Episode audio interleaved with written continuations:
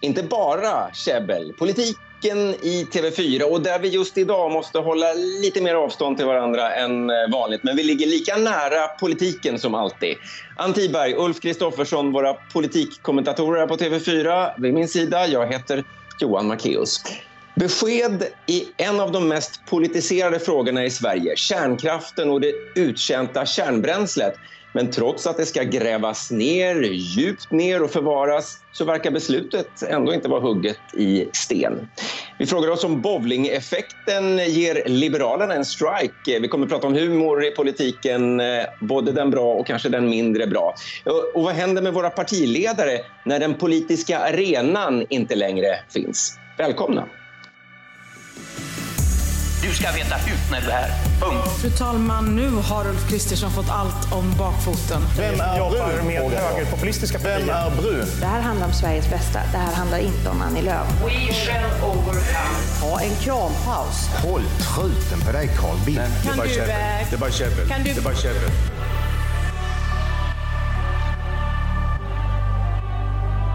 Ja, men ett tredje avsnitt av eh, våran podd eh, och Ann, lite mer distans idag.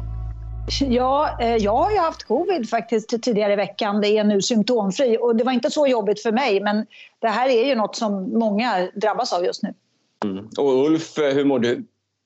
Ja, det har varit eh, lite jobbigare. Jag har också haft eh, covid och och eh, det blev som en vanlig influensa kan man säga med feber i början och så vidare. Nu mår jag lite bättre så jag hoppas att jag snart är tillbaka i studion på riktigt och inte bara så här på distans. Just det, idag sänder vi podden hemifrån så att säga. Eh, kul att ni lyssnar och tittar. Har ni synpunkter, idéer på vad vi ska prata om i den här podden, då kan ni faktiskt mejla oss, inte bara tjabbel. Ta bort prickarna över ät och så snabel tv4.se. Vi kör igång med första ämnet. Eh, Igår stod ju Sverige återigen för en världsnyhet och den här gången handlar det om en debatt som pågått sedan 70-talet. Eh, Då var det en fråga som delade samhället eh, och eh, eh två delar får man väl säga att det var då och eh, debatten fördes ju på så många mer ställen än i riksdagen eh, och över matbordet. Ska du leva som en galning på barnens avbetalning? Det gäller att välja nu mellan mera prylar med mera cancer eller god miljö med hälsochanser. Stoppa all atomkraft innan den stoppar oss. Ja, det här var Roland eh, von Malmborg, trubadur, miljöpartist och eh, en av eh, de ledande i rörelsen mot kärnkraft. Den här låten var från 1970. 85, alltså nästan 50 år gammal. Och det var ungefär samtidigt man började utreda hur man skulle göra med avfallet från eh, kärnkraftverken. Och igår kom alltså beskedet eh, från regeringen att man säger ja till den här förvarsmetoden, slutförvaret som eh, myndigheten SKB har ansökt om. Det vill säga att man ska skicka ner utbränt kärnbränsle i kopparkapslar som omges med bentonitlera 500 meter under marken i ett bergrum. Eh, och, eh, men det innebär inte att det är slut på debatten för det. Nej, hur ser du på det här, Ann? Eh, Är det, är det inte frågan utagerad nu då? Nej, nu följer ju en, en eh, lång rad prövningar och ett antal kontrollstationer. Det är ju både så att eh, Mark och miljödomstolen så att säga ska pröva det här igen och sen kommer det att ske ett antal kontrollstationer fram till eh, och den första tunga sådana är ju 70 år framåt i tiden, 2090 när man ska eh, testa om eh, det går att försluta detta eh, eh denna, detta bergrum. Så att det, det här det känns som det, det, så att säga, det här är bara någonting som har börjat. Men det tror jag inte betyder att man ska underskatta det, kraften i det beslutet som har tagits. Ja, jag har redan skrivit in en notis i min kalender på den 27 januari 2092. Kolla regeringsbeslut om eh, att stänga bergrummet. Så att... och, och, vi kollade också om vi var schemalagda då. Det verkar som att jag är reporter den veckan och Ulf är kommentator. Ja, men sen var det, det var någon Messerschmitt där ute som eh, hävdade att det är en söndag så att eh, det är möjligt att den här, vår fina poddsändning kommer att göras veckan därpå då eller någonting när, när vi pratar på djupet om vad det här ja. senaste regeringsbeslutet Och verkligen på djupet bokstavligen då. men, men, men, det är ju lätt att skratta åt det här eh, för det är ju sån svindlande tid det här om man, om man tänker hundratusen år tillbaka eh, man kan ju inte ha vetat någonting då om vad vi är idag och vad vet vi om, om hur det är om hundratusen år. Nej, och jag tänker nog lite på kraften i det här och fatta ett politiskt beslut, ett hundratusen års beslut. Det är, inte, det är inte helt lätt för politiker att, att göra det. Ehm, och någonstans så kan jag känna att tanken svindlar inför ehm, balansen mellan dagspolitik och hundratusen års politik, eller hur Ulf? Ja, men även om vi nu 100 000 år är ju liksom en totalt eh, oöversiktlig tid egentligen. Det är, för 100 000 år sedan gick det neandertalare på jorden. Det, eh, det var helt andra, en helt annan människotyp så att det, det är väldigt svårt att, att, ta höjd för vad som kan hända om 100 000 år. Men även om vi bara går 70 år tillbaka i tiden, backar till 1952 Eh, så vet vi ju att då fanns ju inte alls den teknik eh, vi har idag. Det fanns inga kärnkraftverk i drift eh, och folk hade inte datorer eller mobiltelefoner och så vidare. Och den här tekniska utvecklingen har ju gått så enormt snabbt den senaste tiden. Så man tänker sig om 70 år när man då ska ta det avgörande beslutet om att försegla det här bergrummet då kanske det finns helt annan teknik för att ta hand om utbränt kärnbränsle. Och redan idag gör man ju försök med nya reaktorer som kan använda det här utbrända kärnbränslet eh, och utvinna mer energi ur det och då leder det till mindre avfall. Och jag är ganska förvånad över att politikerna inte lyfter det mer i debatten istället för att hålla fast vid den här gamla, eh, mest diskutera den här gamla soptipslösningen. Mm. mm. Jag känner att det finns en aspekt i det här som, som kanske inte kommer fram riktigt och det är det här med dagspolitiken. Alltså, eh, är det inte så, Ulf, att Socialdemokraterna skyndade på det här beslutet lite grann för att eh, de sitter ensamma i regering just nu eh, och klarar de av den här frågan före valet så slipper de ta, eh, eventuellt om de då skulle bilda regering med Miljöpartiet igen efter valet så skulle de så att säga behöva ta det beslutet när de åter är i regering med Miljöpartiet. Så, ja, sen hade de... Jag undrar hur mycket det spelar in de hade ju ett hot om misstroendeförklaring hängande över sig från oppositionen om de inte kom med ett snabbt beslut om slutförvaret. Oppositionens drivkraft för att få fram ett sånt här beslut det är ju att man annars ser att det är ett hinder för att driva kärnkraften vidare överhuvudtaget och satsa på ny kärnkraft. Eh, så att man vill ju ha ett beslut för att kunna hänvisa till att det finns någonting. Men jag tror att de flesta är medvetna om att det här kommer att omprövas och det kanske dyker upp nya tekniker eh, som gör att man inte behöver kapsla in det och begrava det 500 meter under jord, avfallet. Eh, men som sagt, det diskuteras väldigt lite och inte ens Miljöpartiet, Per Bolund, eh, lyfter ju fram det särskilt mycket. Han ger sig istället in i en diskussion om huruvida det är, de här kopparkapslarna verkligen håller så länge eller inte istället för att rikta blicken framåt och se vad det finns för andra möjligheter. Ja, fast jag, jag tycker menar... nog man kan ha båda invändningarna. Alltså, bo, båda de invändningarna måste man ju kunna ha. Och man kan ju säga att möjligen att det är lite yrvaket att diskutera det här när man har haft eh, så 11 år på sig under den här prövningen och diskutera de aspekterna. Men, eh, mm. så, så, att det, det, finns ju liksom en dubbelhet här, tänker jag, i debatten. Eh, mm. Plötsligt så kommer en debatt igång som kanske borde ha pågått. Mm. Och ja, sen, sen, sen, kan man ju reagera... det är valår. Eh, kommer debatten fortsätta? Kommer det här... Jag menar, det, det påverkar oss alla. Alla har ju en åsikt om det här. Ja, jag är övertygad om att debatten kommer att fortsätta, inte minst för att det kommer att bli överklaganden och det ska ju då, det sa ju också Annika Strandhäll igår, att man ska göra, varje gång man tar ett nytt steg i den här processen ska det göras en ny prövning. Eh, så att det kommer säkert eh, att bli, alltså det känns som att kärnkraftsdebatten blir vi aldrig av med, den kommer att fortsätta så länge alla vi lever. Och eh, det här tidsperspektivet 100 000 år gör ju att man kan befara att eller tänka sig att det är många politiska reportrar, kommentatorer och programledare som kommer, kommer att slitas ut i den här frågan. och hålla på och prata om det här i kommande program. Jag är säker på att, våra sändningar. jag är säker på att varken jag och Ann kommer vara kvar om hundratusen år. Men jag tror att du är det, Ulf. Du hänger ju i. Du, ja, jag har gjort ett preliminärt körschema för den där sändningen när man stänger bergrummet. Men jag tänkte här... att du, du var reporter på insidan och så står Ann och jag ute och, och kommenterar i ja, det, det här historiska ögonblicket. Med ett långt skägg, Johan. När man förseglar bergrummet. Vad tror du det, blir, det blir inget slutspelsskägg utan det blir något annat eh, skägg. Då. Men eh, vi lämnar den där frågan eh, eh, hittills. Vi lär få återkomma till det. Ett poddtips från Podplay. I podden Något Kaiko garanterar östgötarna Brutti och jag, Davva, dig en stor dos skratt. Där följer jag pladask för köttätandet igen. Man är lite som en jävla vampyr. Man har fått lite blodsmak och då måste man ha mer. Udda spaningar, fängslande anekdoter och en och annan arg rant.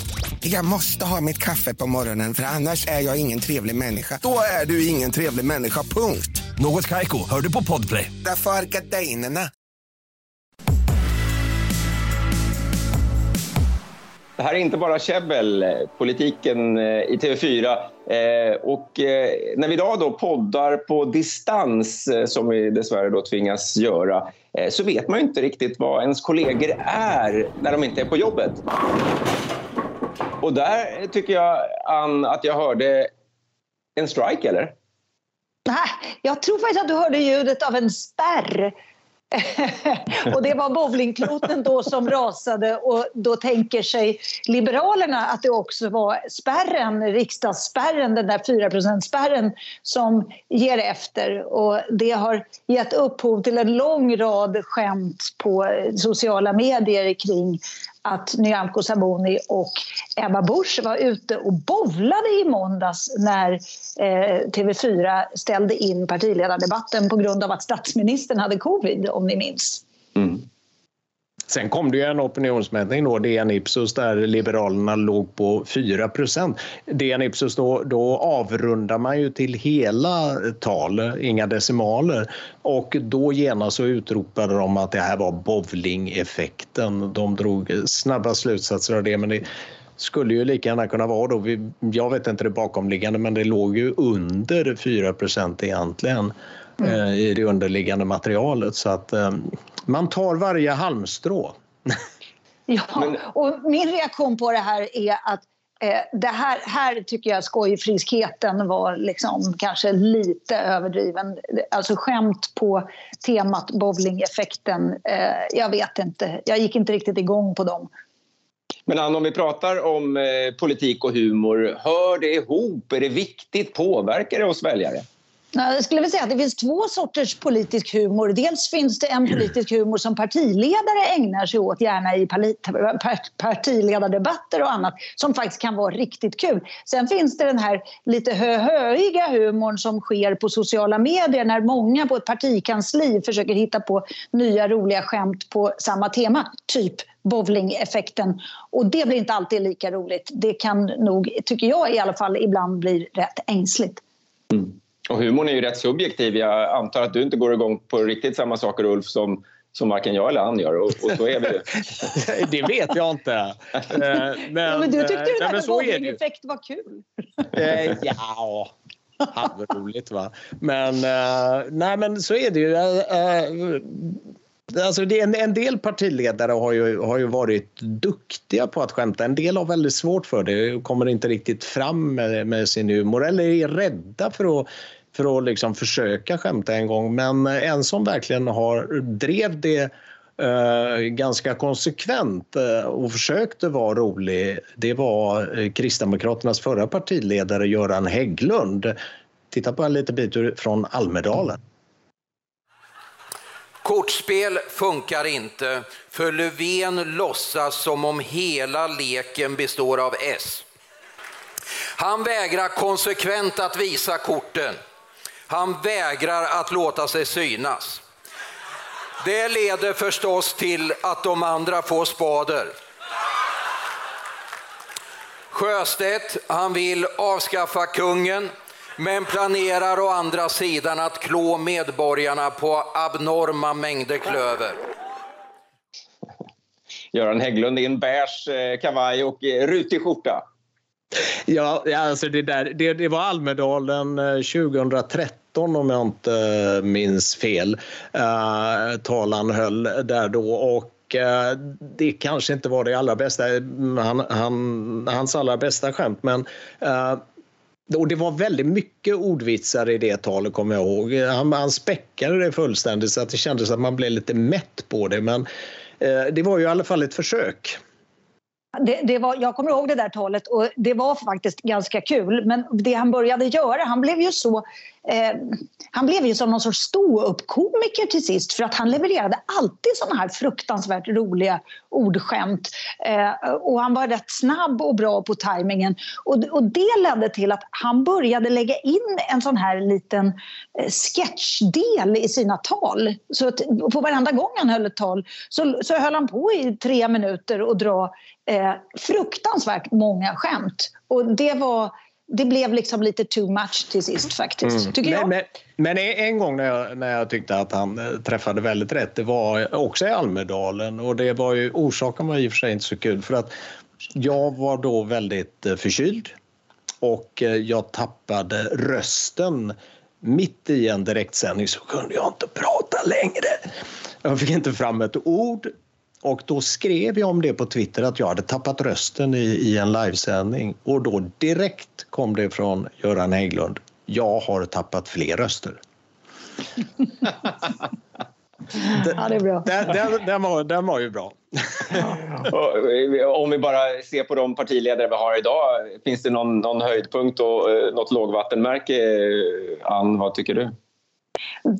Tyvärr är vi inte riktigt eh, på den nivån än. Vi har ganska många nya partiledare som behöver arbeta in sig. Jag vet att, att när jag bodde i England så fick Tories en ny ledare som heter William Hague. Han tog in en komiker som skrev hans skämt för att han skulle liksom, eh, dra extra publik. Men det, eh, det är ju ingen som kommer ihåg honom idag, så det funkade ju inte. Så det är inte nödvändigtvis så säkert att skämt eh, hjälper dig som partiledare. Du ser att jag duckade för din fråga där.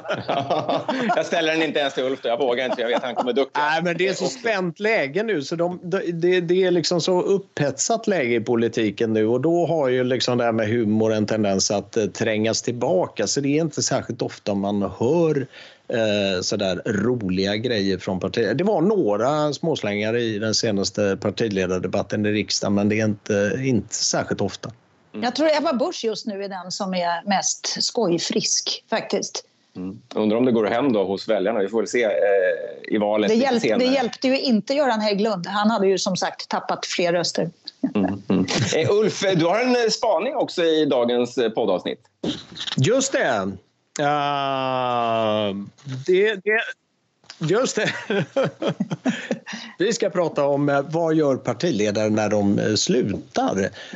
Och Eh, det, det, tycker jag är ett väldigt intressant, spännande ämne och det har kommit en ny eh, dokumentär eller film, eh, två avsnitt på, hos konkurrenten SVT som tar upp det här. De har alltså låtit den förra moderatledaren Anna Kinberg Batra och Vänsterpartiets förra ledare Jonas Sjöstedt åka på tåget tillsammans till Berlin och där blir stämningen lite bister. Det blir ju ändå alltså, tiotals miljoner, kanske hundra miljoner döda. Ja, men det, ja, så är det ju. Det är historiskt faktum. Och det klagar inte dig för, men det, blir nej, ändå, det nej. måste ha varit väldigt, väldigt, väldigt problematiskt att vara, vara med i en sån rörelse. Fast vet du, man behöver inte välja mellan två onda ting. Man kan välja att gå sin egen väg. Ja, ett lite annorlunda eh, tv-program det här med med en, eh, reagerar jag på själv när jag tittade på det igår, en, en speakerröst som vi då kallar det i, i tv och radio, en berättarröst som, som sjöng eh, berättandet. Ja, det är ju det, det mest eh, fantastiska. Det, det är det som är väldigt, väldigt bra. Det är Iris Viljanen, heter hon, en finlandssvensk sångerska som man har låtit då sjunga fram eh, eh speakertexterna och leda berättelsen vidare. Uh, och, jag tycker vi ska låna det i, i vår podd här. Jag tycker vi kan ha ja. sjunga. Vem är det som ska sjunga då? Kan inte, kan inte Ulf göra det då? Kanske inte just idag. Nej. Det är torsdag fortfarande. Men uh, du Johan, du, du är bra på det. ja, vi tar det nästa avsnitt sjunga. Ja, ja, ja.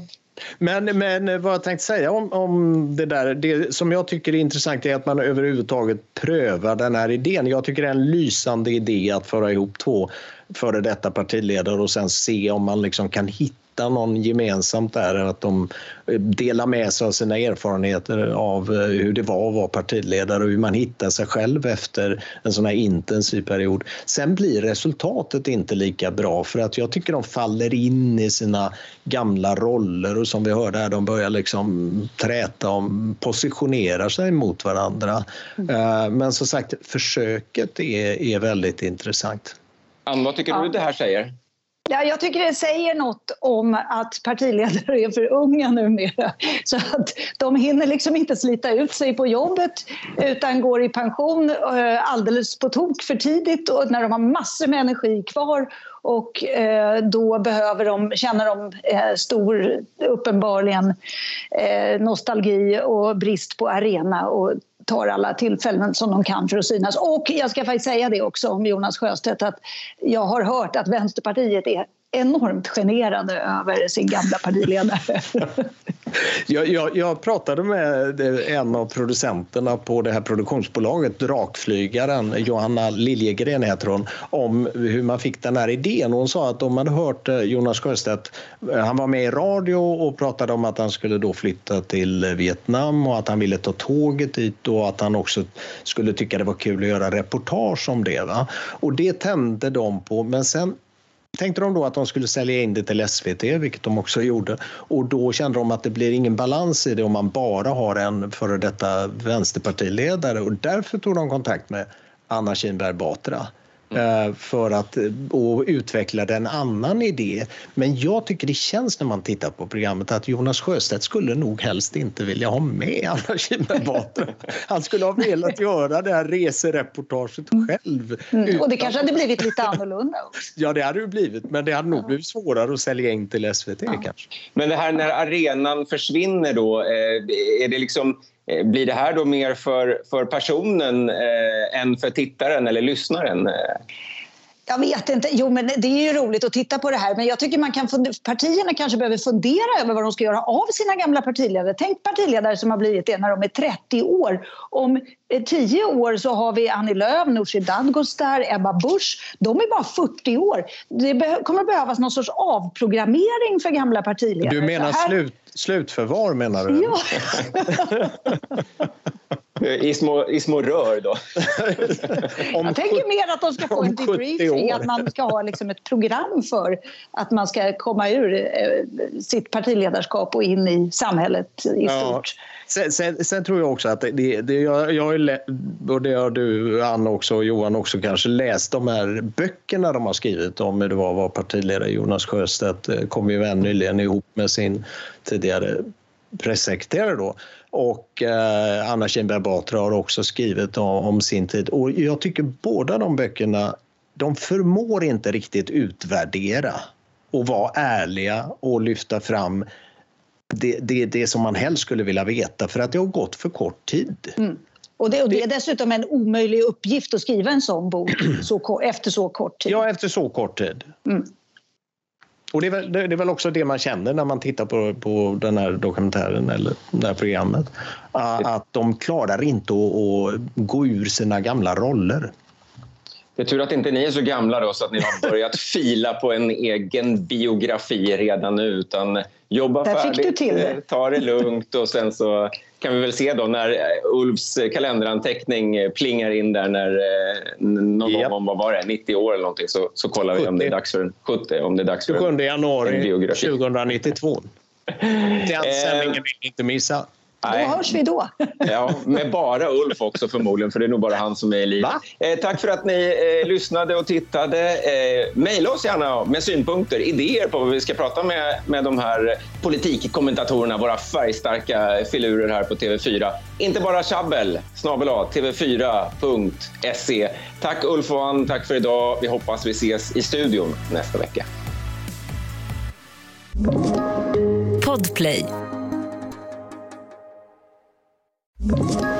Ett poddtips från Podplay.